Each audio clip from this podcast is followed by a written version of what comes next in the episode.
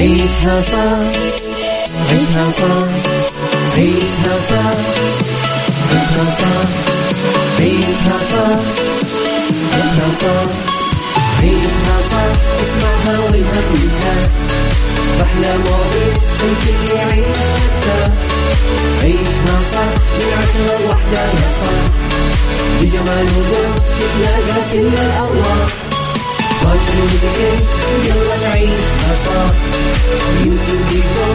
يلا نعيشها صح عيشها صح عيشها صح على الآن عيشها صح مع أميرة العباس على Mix FM Mix FM Saudi's number one hit music station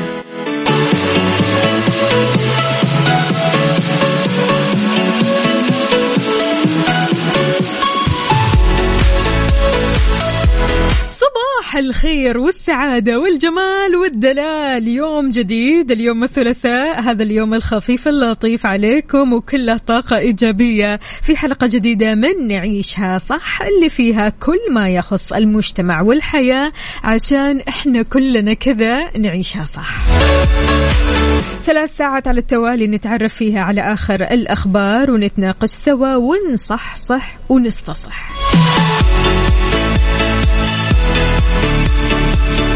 معكم أختكم وفاء باوزير وعناوين أخبارنا لهذا اليوم إطلاق كأس آه، أو اسم خلينا نقول كأس الملك سلمان على بطولة الأندية العربية لكرة القدم نسخة 2023 شهيرة بتقول أتمنى العودة للتمثيل ولكن بشروط. قريبا قريبا تغريدات تويتر توصل لأربعة آلاف حرف لكن لهؤلاء. مين هؤلاء؟ رح نتعرف عليهم بعدين قولوا لنا كيف الحال؟ وإيش الأخبار؟ إن شاء الله اليوم يوم مختلف عليكم. يوم كثير حلو يوم مليان حب مليان طاقة إيجابية. شاركونا وقولوا لنا إيش خطتكم لليوم؟ إيش راح تسووا؟ مستعدين لل weekend ولا لسه مو فاكرين أصلا إنه في weekend ترى في weekend جاي okay؟ للمعلومية.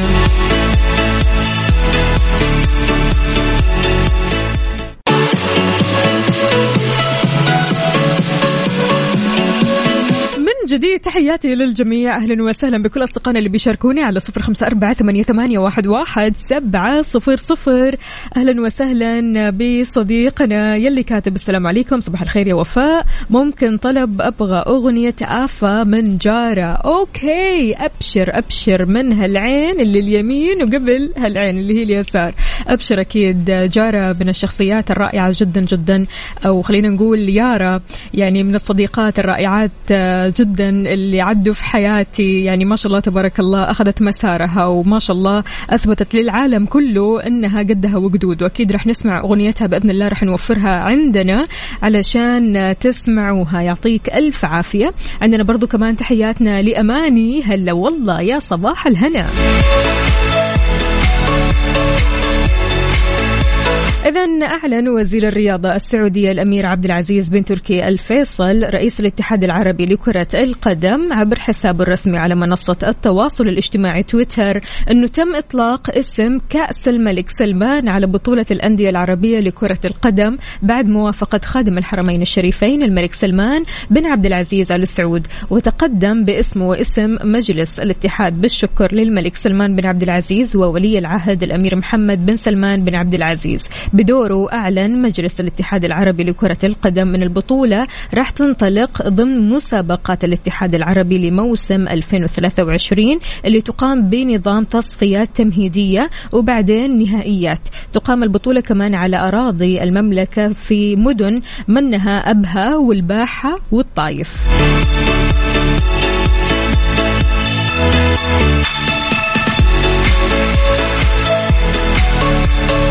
طبعا البطولة هذه لها تاريخ يا جماعة الخير يعني من عام 82 تنوعت ما بين بطولة الأندية آه، الأبطال وبطولة الأندية أبطال آه، الكؤوس وبطولة كأس الاتحاد العربي وبطولة كأس الأمير فيصل بن فهد وبطولة دوري أبطال العرب وبطولة كأس زايد للأندية الأبطال برضو كمان وبطولة آه، كأس محمد السادس للأندية الأبطال وتهدف هذه البطولة لتنمية وتطوير وازدهار رياضة كرة القدم في الوطن العربي. وإثراء المنافسة بين الأندية العربية وهذا شيء مرة حلو الصراحة.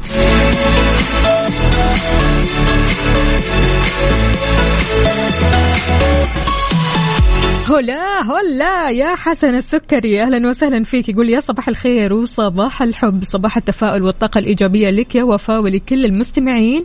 أحب أهدي آه وأقول لزوجتي ورفيقه دربي ديما كل عام وانت الحب. يا أهلا وسهلا فيك يا حسن. والله يخليكم كذا البعض دائما في حب واحترام ومودة.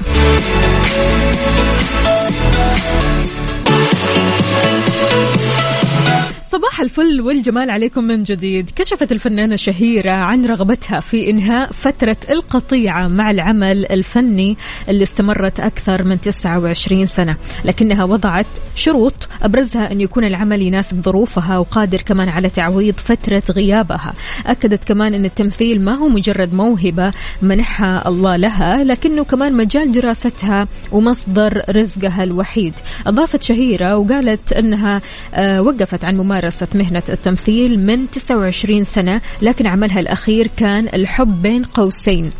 وقررت وقتها التفرغ لرعاية زوجها الفنان محمود ياسين واستغلت الفرصة علشان تقرب أكثر من ربنا. وقالت أنا بعدت من أهم فترة تألق وجوائز لكن كنت محتاجة أني أقرب أكثر من ربنا.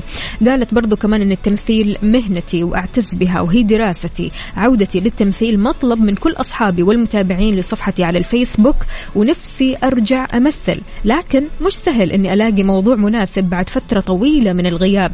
وإذا رجعت عندي تحفظات كثير لأن زمان مختلف عن دلوقتي. سبحان الله الواحد كذا لما يقطع عن عمله فترة مرة طويلة بعدين يرجع لنفس العمل يكون عندك مطالب كثيرة شروط كثيرة. يعني أنت آه لما مثلا استلمت عملك في فترة آه زمنية يعني من عمرك وهذه الفترة يمكن كانت آه كنت صغير فيها أو كنت شاب جدا يعني فيها غير لما تستلم نفس الشغلة لكن من بعد عمر يعني طويل. يعني انت بتتكلم مثلا آه، انت كنت بتشتغل في مهنة معينة وانت عمرك مثلا خلينا نقول 25 سنة. مو مثل ما تشتغل في نفس المهنة وانت يكون عندك أو عمرك 50 سنة. بيختلف الوضع.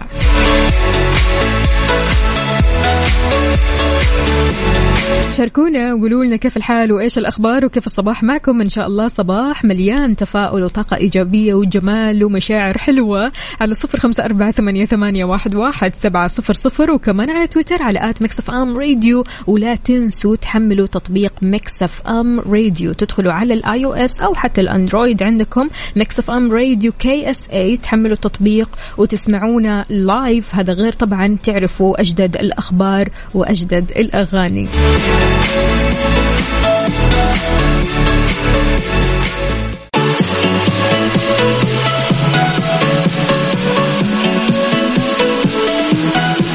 صباحو صباحو من جديد. محبين تويتر هذا الخبر لكم. بدأت منصة تويتر اللي بتتميز بالتغريدات القصيرة أنها تسمح لبعض المستخدمين بنشر تغريدات طويلة بتوصل لأربعة آلاف حرف. تويتر قالت آه، طبعا خلينا نتكلم شوي عن تويتر اللي استحوذ عليها الملياردير الأمريكي إيلون ماسك في أكتوبر الماضي. قالت إن مستخدمي خدمتها مدفوعة الأجر آه، Twitter Blue. في الولايات المتحدة بيقدروا إنهم يكتبوا تغريدات لين 4000 حرف. Twitter Blue تمام؟ مش تويتر العادي. تدفع حروف زيادة. ما تدفع عندك كم؟ 280 حرف.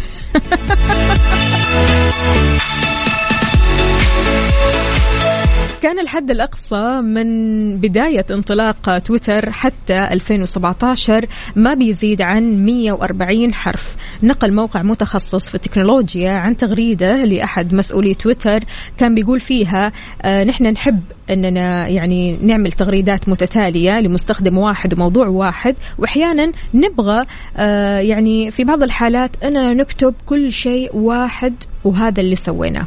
فأشار الموقع إلى أن التغيير خطوة من تويتر علشان تشجع الناس أنهم يشتركوا في الخدمة المدفوعة تويتر بلو. هل راح تشترك في هذه الخدمة ولا يكفيك ال 280 حرف؟ زي الفل. البعض لا ما يتحمل. يعني 280 حرف هذه مرة ما تكفيه عنده كلام وعنده أفكار وعنده أشياء كثيرة. لازم يكتبها مرة واحدة. فبالتالي يضطر أنه يشترك في هذه الخدمة. أنت إيش رأيك؟ هل أنت ممكن تفكر أنك تشترك في هذه الخدمة ولا لا؟ يلا شاركنا على صفر خمسة أربعة ثمانية, ثمانية واحد, واحد سبعة صفر صفر وكمان على تويتر على at Mix FM Radio. خلونا نسمع ماجد المهندس.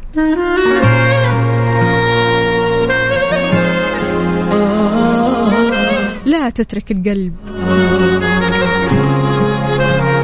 Mix FM Saudi's number 1 hit music station. عيشها صح عيشها صح عيشها صح. عيشها صح عيشها صح عيشها صح عيشها صح اسمعها والهم ينزاح أحلى مواضيع الكل يعيش عيشها صح من عشرة لوحدة يا صاح بجمال وذوق تتلاقى كل الأرواح يلا نعيشها صح beauty وديكور يلا نعيشها صح عيشها صح عيشها صح على Mix يلا نعيشها صح الآن عيشها صح مع أميرة العباس على Mix FM Mix FM Saudi's number one hit music station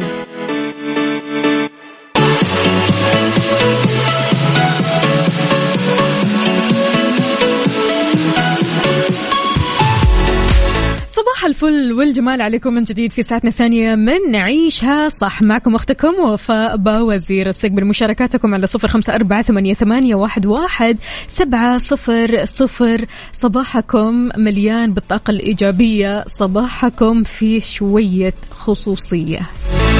لما نجي نتكلم عن الخصوصية يا جماعة الخير في الخصوصية هو حق أو هي حق إنساني يجب الحفاظ عليه. بتعتبر الخصوصية حق لكل فرد كل إنسان له كامل الحرية في الموافقة أو حتى الرفض علشان يشارك الآخرين التفاصيل الشخصية أو المواقف الحياتية. خصوصية الفرد بتعد جسر رئيسي لحرية التفكير والكلام والأفكار الخاصة اللي بتساعد على إدارة الحدود الاجتماعية وحمايتها من الانتهاك والاحتكاك الاجتماعي المبالغ فيه سواء في الحياة الواقعية أو حتى في مواقع التواصل الاجتماعي. قد إيش فعلا موضوع آه أنك أنت تحافظ على خصوصيتك وتحافظ على أفكارك في هذا الزمن أصبح شيء صعب. حقيقي صعب. الواحد صار بيتهرب من أسئلة كثيرة. الأسئلة هذه للأسف أسئلة خاصة. المفترض ما تنسأل. الواحد صار يتجنب أنه يقابل ناس كثير علشان أسئلتهم شخصية ويقتحموا خصوصية هذا الشخص. البعض ما صار يرد على المكالمات بسبب هذا الموضوع. غير كذا كمان لو جينا للجانب الآخر البعض يعني في ال social media خلينا نتكلم بيعرض خصوصياته أكثر من اللازم. أكثر من اللازم. لدرجة أنه لما أحد من الناس يعلق أو أنه ينتقد أو أنه يتدخل بزيادة يزعل. فأنت ليش من الأساس من البداية كذا عرضت الخصوصية هذه؟ فهم يعني جانبين الجانب الأول اللي بيهرب من الأسئلة الخاصة ومن الناس اللي بتقتحم خصوصياته والجانب الآخر اللي بيعرض الخصوصيات هذه آه، على طبق من ذهب وما آه، يعني خلينا نقول ما يتقبل نقد الآخرين ولا يتقبل أن الناس تتدخل بزيادة. بس أنت في الآخر عارض هذه الخصوصية. فقولوا لنا إيش رأيكم؟ كيف ممكن الواحد في هذا الزمن بالذات يحافظ على خصوصيته يحافظ على أسراره؟ في زمن آه، أصبح يعني حفظ الأسرار حتى ما يعني صار زي زمان. لا لا لا حفظ الأسرار صار صعب. يعني في آه، مثل بيقولوا فيه إيش؟ أنت سيد ما تخفيه وأسير ما تفشيه. إنك أنت تخيل هل بتوافق على هذا الكلام ولا لا؟ أنت إيش رأيك؟ كيف ممكن تحافظ على خصوصيتك وأسرارك على صفر خمسة أربعة ثمانية, ثمانية واحد, واحد سبعة صفر صفر وكمان على تويتر على at Mix FM Radio.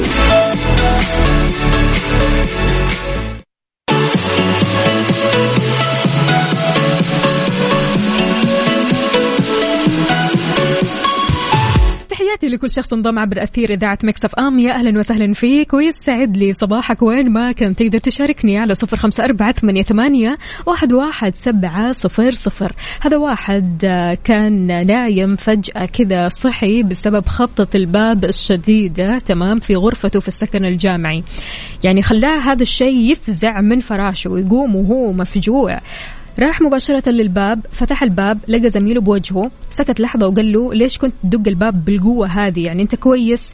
زميله إيش قال له؟ قال له أنا عندي بعض الأخبار اللي سمعتها قبل شوي من أحد الطلاب وأبغى أتأكد منها. هل أنت من جدك يعني راح تشتغل بعد التخرج في أحد المؤسسات العالمية العريقة في مجال تخصصك؟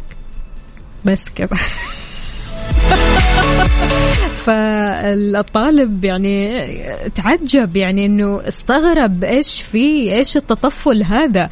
لا في احترام لشؤونه ولا أموره الخاصة. فرد عليه بنبرة حادة قال له إيش؟ اولا هذا الموضوع ما بيستحق ردة فعلك المبالغ فيها. ثانيا أظن إنه ليس من شأنك. ما لك دخل يعني من الآخر. يعني لكم أن تتخيلوا البعض فعلا بيقتحموا خصوصيتك حتى بأسلوب مباغت. أسلوب كذا يفجع أسلوب ما له داعي أبدا. بس علشان أنت تشفي الفضول هذا اللي عندهم وعشان يعرفوا أنت إيش عندك وإيش راح تسوي في حياتك وإيش في تفاصيل الناس ما يعرفوا عنها في حياتك وأحيانا بيستدرجوك علشان تبدأ إيش تتكلم وتقول إيش في في حياتك المفترض ما ينقال. من المهم جدا جدا يا جماعة الخير أنك تحافظ على خصوصيتك. تمتنع عن جلسات كشف الأسرار. أي أيوة والله هذه الجلسات اللي يقول لك إيش؟ جلسات فضفضة. خلينا نفضفض. فأنت تروح على نياتك تفضفض وتطلع كل اللي في قلبك. اليوم الثاني يقلبوا عليك وفجأة كذا تلاقي كل أسرارك عند كل العالم وفي كل نشرات الأخبار وإلى آخره. يعني الصراحة شيء مرة يزعل كونك أنت بتثق في الناس تمام؟ لكن الناس هذول ما هم قد الثقة هذه.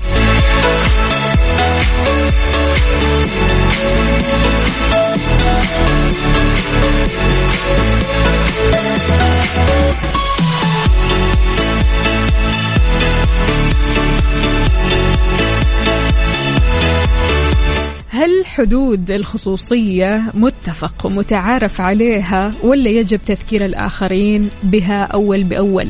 كيف أنت تحافظ على خصوصيتك وأفكارك؟ شاركنا آه، أسرارك عفوا. شاركنا على صفر خمسة أربعة ثمانية, واحد, واحد سبعة صفر صفر. ترى حتى الأفكار أحيانا فيها كذا خصوصية. الأفكار المفترض ما تطلع لكل الناس. الأفكار هذه هي اللي راح تبنيك.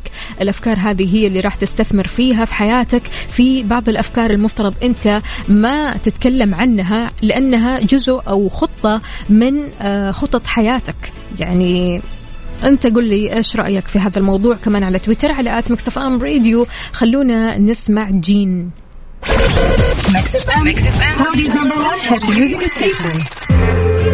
هالأغنية اسمها The Astronaut Jin من فرقة BTS يس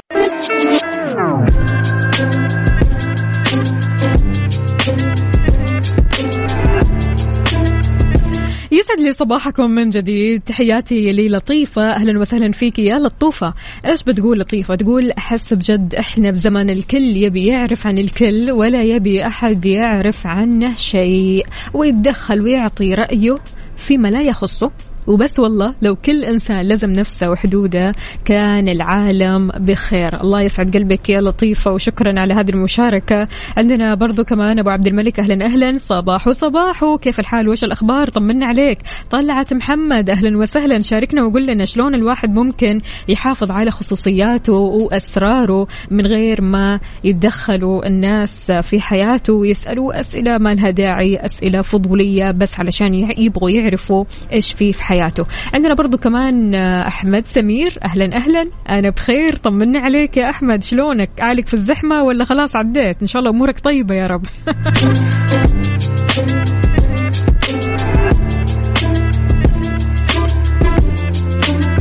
مثل ما قلنا أنت سيد ما تخفيه وأسير ما تفشيه. عشان ما تصبح أسير للأشياء اللي بتفشيها حاول قدر الإمكان أنك ما تتوسع في كشف تفاصيل حياتك للي رايح واللي جاي. مو كل الناس اللي حولك يهمها مصلحتك.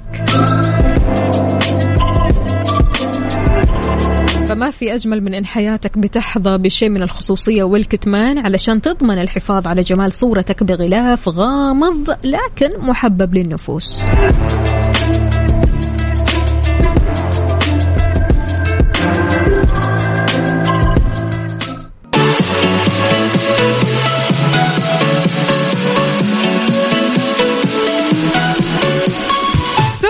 الخير في شهر فبراير من هذه السنة. راح نلتقي بسلسلة متكاملة من منتجات البناء القيمة تحت سقف واحد في بيج فايف أكبر حدث إنشائي في المملكة العربية السعودية بيرجع لنا أضعاف ما كان عليه من حيث الحجم بأكثر من 15 ألف منتج من 40 دولة وأكثر من 750 علامة تجارية رائدة في السوق بالإضافة كمان لأكثر من 50 موضوع بيتم استعراضه مجانا من قبل أكثر المختصين في التطوير المستمر.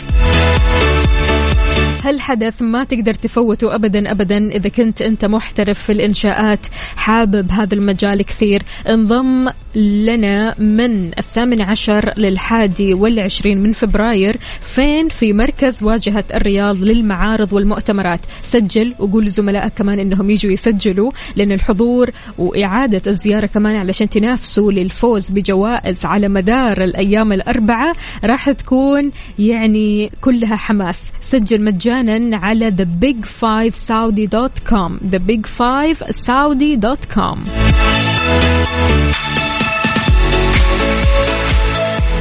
عيشها صار عيشها صار عيشها صار عيشها صار عيشها صار عيشها صار عيشها صار اسمعها والهم ينزاح أحلى مواضيع الكل يعيش عيشها صح. من عشرة لوحدة يا صاح بجمال وذوق تتلاقى كل الأرواح. يلا نعيشها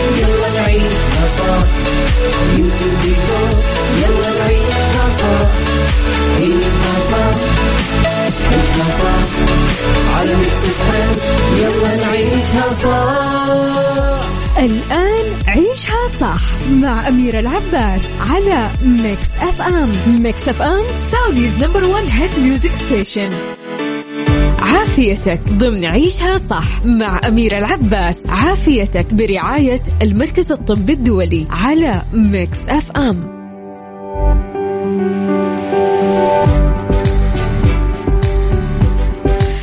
الخير ومساء الصحة والصحصحة. مثل ما عودناكم في فقرة عافيتك نهتم بصحتك وعافيتك ونستضيف نخبة من الأطباء ونتكلم في مواضيع كثيرة. اليوم منورتني في الاستوديو الدكتورة ياسمين شقدار استشارية الطب الباطني والسكري والغدد الصماء مجمع العيادة الأولى بجدة. أهلا وسهلا فيك يا دكتور. أهلا بك أهلا بك يسعد مساكي. ومساكي بكل خير يا رب. بداية دكتورة إيش هي الغدد الصماء؟ آه طيب آه لو نقدر نتكلم عن الغدة الصماء إنها عضو من أعضاء الجسم وظيفتها في الجسم إنها تكون مواد آه اللي هي تفرز هرمونات إلى الدم. ليش سميت بالصماء؟ لأنها لا تحتوي على قنوات الإفراز فهي على طول بتصنع جوة الغدة وبتفرزها مباشرة إلى الدم.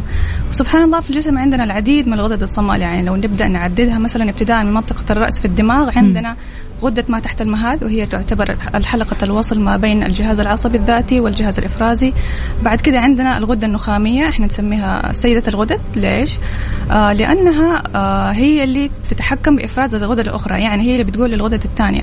أفرزي أو توقفي على حسب احتياج الجسم وهي تتكون من فص أمامي وفص خلفي كلها على بعضها بتطلع لنا ثمانية هرمونات سبحان الله وكل واحدة لها وظيفة مختلفة. سبحان الله. آه نيجي بعد كده لو ننزل لمنطقة الرقبة عندنا الغدة الدرقية اللي هو موضوعنا اليوم حنتكلم فيه بتفاصيله باذن الله. صحيح. وعندنا غدة اللي هي جارتها الجار درقيه آه هي زي شكلها زي الكور أربع كور موجودة اثنان على اليمين واثنان على اليسار. آه وظيفتها إنها تتحكم في مستويات آه الكالسيوم والفوسفيت والفيتامين D في الجسم. بعد كده لو ننزل على تحت في البطن عندنا البنكرياس آه اللي هو بيفرز لنا الإنسولين والجلوكاجون يتحكم في مستويات السكر. وعندنا فوق الكليتين اللي هي الغدتين الكظرية. الغدة الغدد الكظرية آه تتكون من جزء خارجي القشره ومن جزء داخلي. نعم. كلها على بعضها بتطلع لنا ست هرمونات وكل واحدة لها وظائف مختلفة. وأخيرا عندنا اللي هي الغدد التناسلية عندنا المبايض لدى النساء والخصيتين لدى الرجال نعم دكتورة يعني دائما بالذات في مجتمع البنات لما مثلا واحدة شعرها يتساقط إيه. لما واحدة مثلا تحس بخمول صح. لما واحدة تنام على طول. يقولوا لها حللي لي غدة غدة. حللي. غدة صحيح. فنبغى نعرف اليوم موضوعنا أصلا عن الغدة الدرقية إيش صحيح. هي إيش وظيفتها كيف ممكن نعرف إنه نحن مثلا عندنا خمول في الغدة نشاط في الغدة شلون تمام طيب الغدة الدرقية أولا هي غدة موجودة آه، في آه، أمام الرقبة في المنطقة السفلى فوق عظمة الترقوة نعم. شكلها تشبه الفراشة يتكون من فص أيمن وفص أيسر متصل في الوسط. إيش وظيفتها؟ هي بتفرز لنا هرمون جدا مهم اللي هو هرمون الثايروكسين. إيش أهميته؟ آه، هرمون الثايروكسين بيتحكم في أشياء مرة كثيرة في الجسم. يعني لو نبدأ نذكرها واحد ورا الثاني ابتداء التركيز النشاط الحيوية الطاقة. بعد كده عندنا ضربات القلب آه، معدل التنفس درجة حرارة الجسم. عندنا أيضا اللي هو معدل الحرق أو الميتابوليزم أو عمليات الأيض في الجسم. نعم. آه له دور مهم في آه صحة العظم والعضلات وكمان له دور مهم في آه اللي هو التبويض للنساء وانتظام الدورة الشهرية. نعم. فأي لخبط في الهرمون هذا ممكن يؤدي للخبطة لكل الأشياء اللي ذكرتها. فعشان كده يعني أمراض الغدة جدا مهمة وشائعة أصلا في مجتمعنا والواحد لازم يكون دائما في باله إنه يحلل الغدة إذا حس بأي عرض من الأعراض في أو, أو أي مشكلة من دي المشاكل بالضبط يعني ضروري كمان إحنا كسيدات آه، كثير نهتم في هذا الموضوع إيه. لأنه موضوع كبير الصراحة وعميق صح. طيب دكتورة هل أمراض الغدة الدرقية يعني تعد أمراض مزمنة ولا يعني ممكن نعالجها وخلاص تختفي عنا تماما طيب يعني إحنا دحين لو نبغى آه نتكلم عن الأمراض عموما آه يعني يبغى نقسمها لأربع نقاط مثلا مم. عندنا أمراض مناعية. الأمراض المناعية تكون بسبب وجود أجسام مضادة. دائما يكون في تاريخ آه مرضي في العائله يعني في آه العائله عندهم كذا أحد مصاب بمرض الغده فعندنا أجسام مضادة تتناقلها الأجيال. عادة هذه الأمراض اللي تكون مزمنة. ولكن آه في بعض الأمراض تكون مؤقتة تكون بسبب أي التهاب فيروسي يعني مريض يكون زكم ولا حاجة أي التهاب. نعم. هذه دائما تكون اللخبطة في الغدة مؤقتة على خلال سنة تكون الغدة رجعت طبيعتها. في عندنا أسباب أخرى مثلا التغيرات الهرمونية لدى النساء زي في فترة الحمل والولادة فجأة يصير عندهم لخبطة في الغدة فهذه صحيح. كلها تتعلق بلخبطة الهرمونات. مم. وغير كده عندنا بعض الأدوية اللي هي تحتوي على كمية عالية من اليود ممكن تعمل لنا اضطراب في هرمون الغدة فهذه كلها آه، أسباب مؤقتة. بس زي ما قلنا إذا كان السبب مناعي هذه غالبا تكون مزمنة والمريض يحتاج إنه يستعمل الأدوية على فترات طويلة وسنين طويلة. نعم. إذا مستمعينا شاركونا أسئلتكم واستفساراتكم على صفر خمسة أربعة ثمانية, ثمانية واحد, واحد سبعة صفر صفر. منورتنا في الاستوديو الدكتورة آه، ياسمين شقدار استشارية الطب الباطني والسكري والغدد الصماء مجمع العيادة الأولى بجدة اليوم موضوعنا عن الغدة الدرقية. والغدة الدرقية الصراحة يعني لو جينا نتكلم عنها فهي تشعبات كبيرة جدا, جداً، جداً. ما راح نخلص في حلقة صحيح، واحدة. صحيح. فمستمرين معكم أكيد نطلع break وراجعين. عافيتك. ضمن عيشها صح مع أميرة العباس. عافيتك برعاية المركز الطبي الدولي على Mix FM.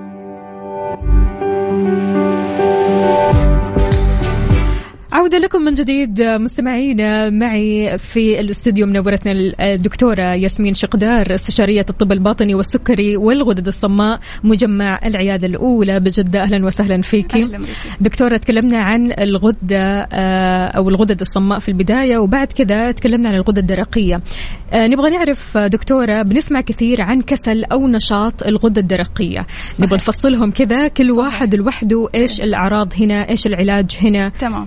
طيب آه نبتدي بالأسهل اللي هي خمول الغدة إيش يعني خمول الغدة يعني يعني؟ عندنا الغدة ما بتفرز هرمون كافي في الجسم فعندنا نقص في الهرمون مم. طيب آه الخمول حق الغدة يعتبر مرض شائع جدا. عموما حتى في السعودية على آخر إحصاءات تقريبا من 18 ل 20% في المجتمع. صحيح مؤخرا صرنا نسمع كثير. كثير صحيح. آه ويصيب النساء أكثر بحكم التغيرات الهرمونية اللي تحصل لدى النساء. طيب إيش الأعراض اللي ممكن يجينا فيها المريض؟ يعني عادة يجيني المريض يشتكي يقول لي والله دكتور أنا دائما حاسس نفسي خملان تعبان آه ما بشبع نوم بنام على طول آه حاسس نفسي بردان على طول آه آه غير كذا ممكن عنده يكون تساقط شديد في الشعر جفاف البشرة انتفاخ في الوجه انتفاخ في منطقة الرقبة زيادة في الوزن يعني حتى هو ما بياكل مثلا بيقول أنا دائما الوزن بيزيد وأنا ماني عارف إيش بيصير. في إمساك وكذا دكتور أيوه إمساك بالضبط. آه فهذه كلها أعراض شائعة جدا بتحصل عند مريض آه خمول الغدة. مم. طيب آه طبعا كيف نشخص نعمل تحليل الغدة ويبان عندنا آه إذا كان في أي اضطراب في الهرمون وعلاجه يكون جدا بسيط اللي هو نعطيهم الحبة التعويضية الهرمون التعويضي الليفوثيروكسين علاج آمن آه ولكن بشرط إنها تصرف تحت إشراف طبي لأنه الوزن آه sorry الجرعة تتحسب على حسب الوزن. وعلى حسب عمر المريض وعلى حسب حالته الصحية إذا عنده مشاكل في القلب والشرايين هذه كلها تأثر على آه وزنية الجرعة. نعم. آه في بعض النقاط المهمة اللي أحب أركز عليها بالنسبة في العلاج اللي هي طريقة أخذ العلاج والكيفية لأنه كثيرين من المرضى يتهاونوا في ذا النقطة واحب أنبه في ذا الشيء.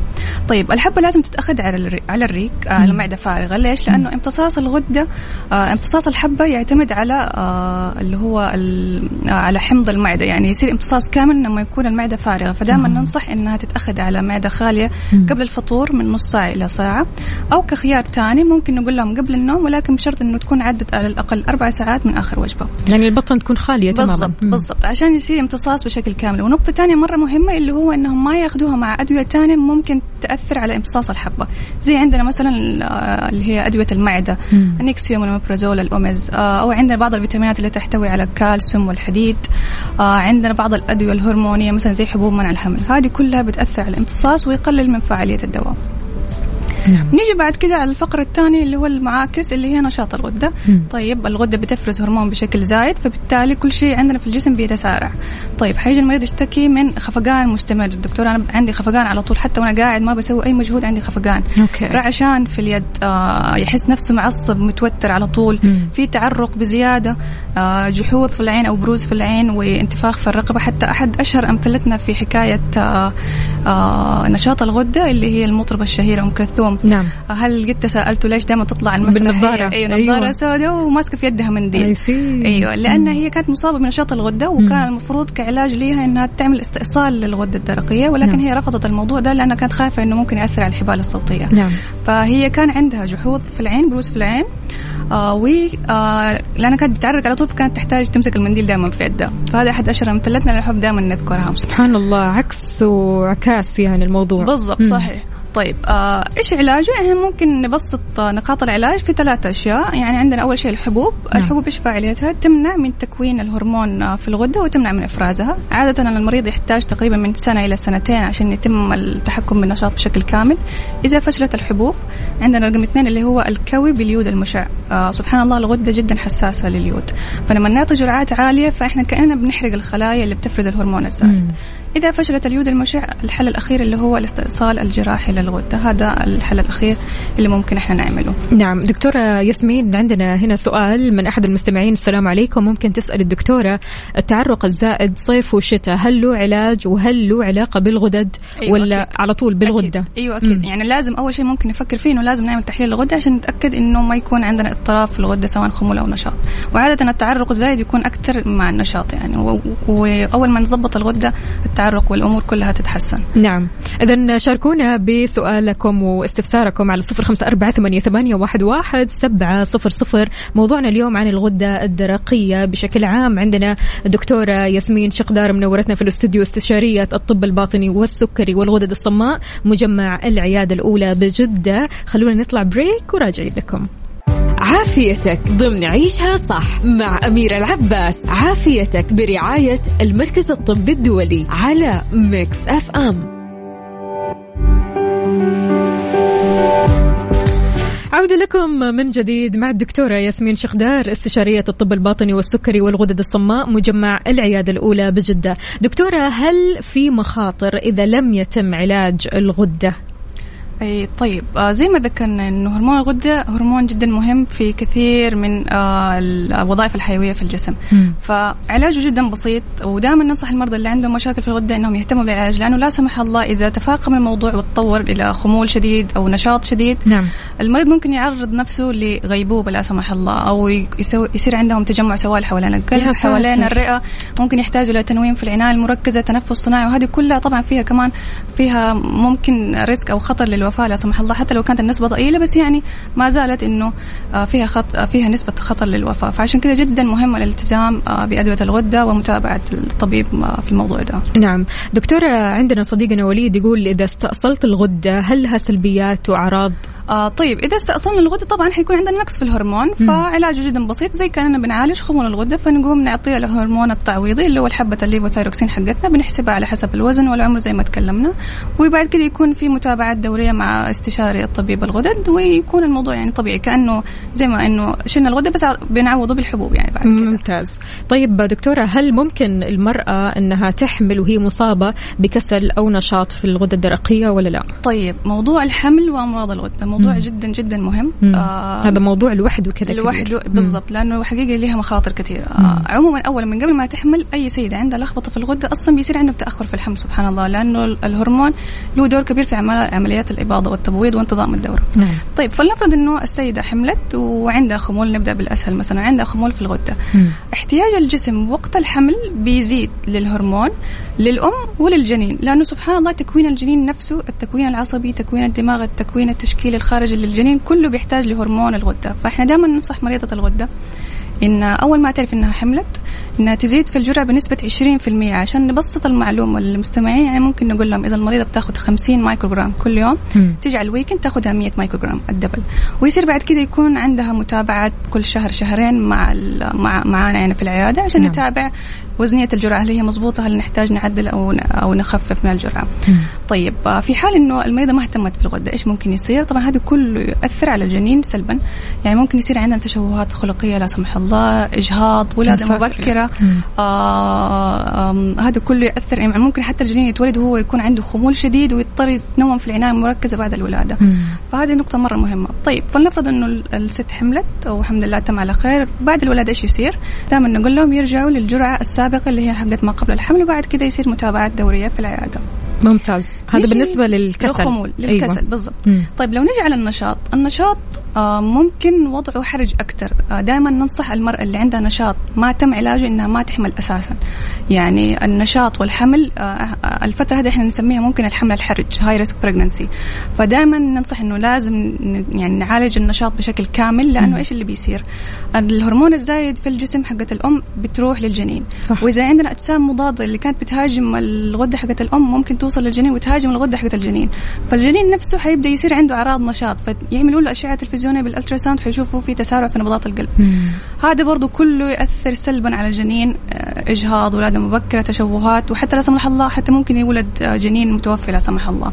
فدائما ننصح إنه لازم إحنا نعالج النشاط أو الخمول قبل الحمل عشان يتم الحمل بسلام بعد كده. حقيقي والله يا دكتور لازم الوحدة كمان ما تهمل هالموضوع كثيرين أبدا. بيتهاونوا كثيرين أيوه تتخيلي غدة. وخلاص يعني أيوة كل الناس بتقول لي حللي. وحللي. وخلاص يعني صحيح. تقعد على. الموضوع لين حقيقي ما له دور رئيسي في الحمل وفي التكوين ودماغ البيبي وتكوينه وتطور الحمل هذه كلها بتتأثر بهرمون الغدة نعم اذا مكملين أكيد مع دكتوره ياسمين شقدار يا جماعة الخير ممكن تشاركونا بأسئلتكم واستفساراتكم على صفر خمسة أربعة ثمانية, واحد سبعة صفر صفر دكتورة ياسمين شقدار استشارية الطب الباطني والسكري والغدد الصماء مجمع العيادة الأولى بجدة عافيتك ضمن عيشها صح مع أميرة العباس. عافيتك برعاية المركز الطبي الدولي على Mix FM. تحياتي لكل شخص انضم عبر أثير إذاعة Mix FM. يا أهلا وسهلا فيك. تقدر تشاركنا على صفر خمسة أربعة ثمانية, واحد, واحد سبعة صفر صفر. منورتنا اليوم في الاستوديو الدكتورة ياسمين شخدار استشارية الطب الباطني والسكري والغدد الصماء مجمع العيادة الأولى بجدة.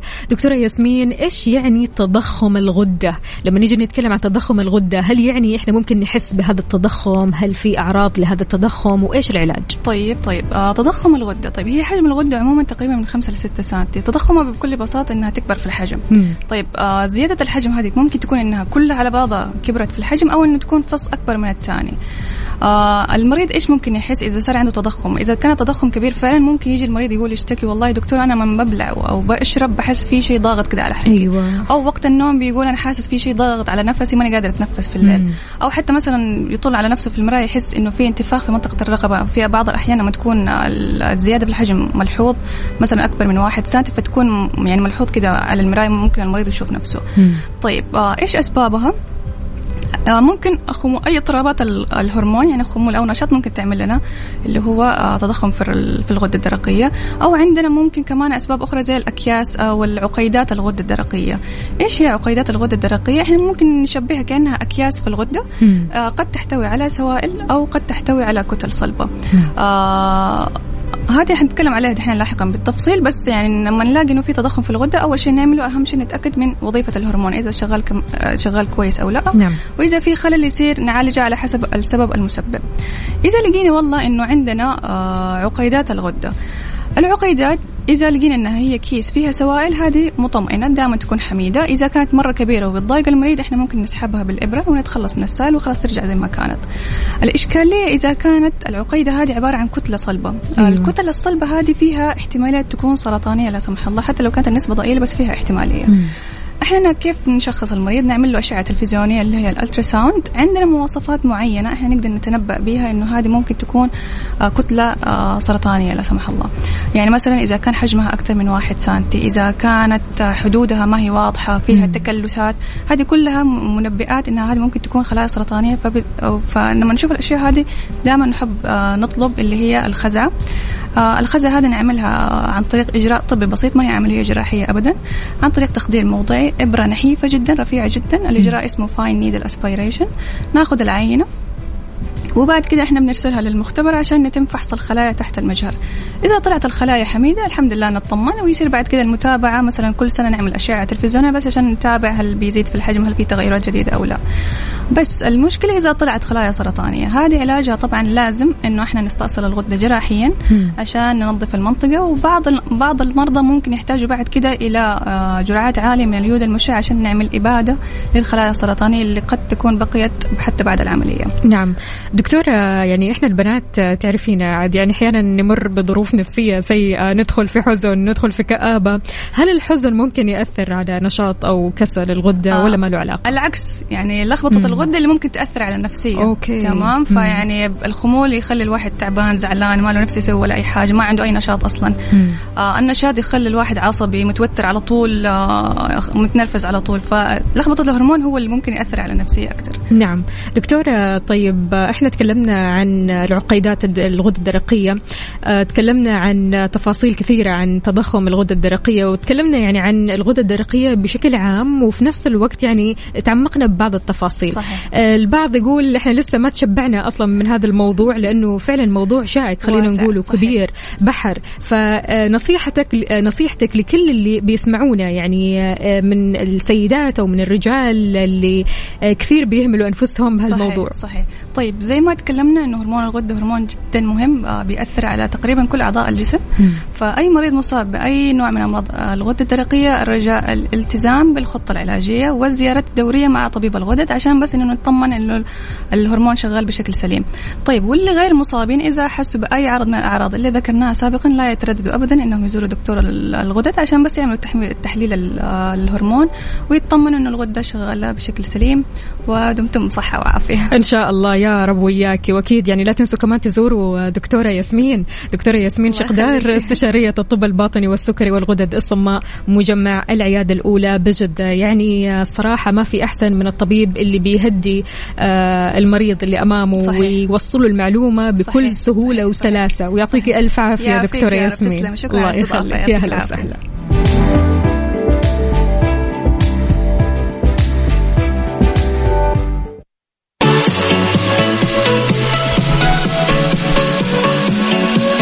مستعدين ليوم 22 فبراير. اليوم يذكرنا ببطولة وطنية عمرها ثلاثة قرون بنينا أحداثها وصنعنا مجدها عام 1727 ميلادي. في رح نحتفل بذكرى يوم التأسيس ونحكي بفرحة قصتنا يوم بدينا. علشان تعرف القصة والفعاليات يلا يلا يلا زور الحسابات. حسابات يوم التأسيس على مواقع التواصل الاجتماعي foundingday.sa foundingday.sa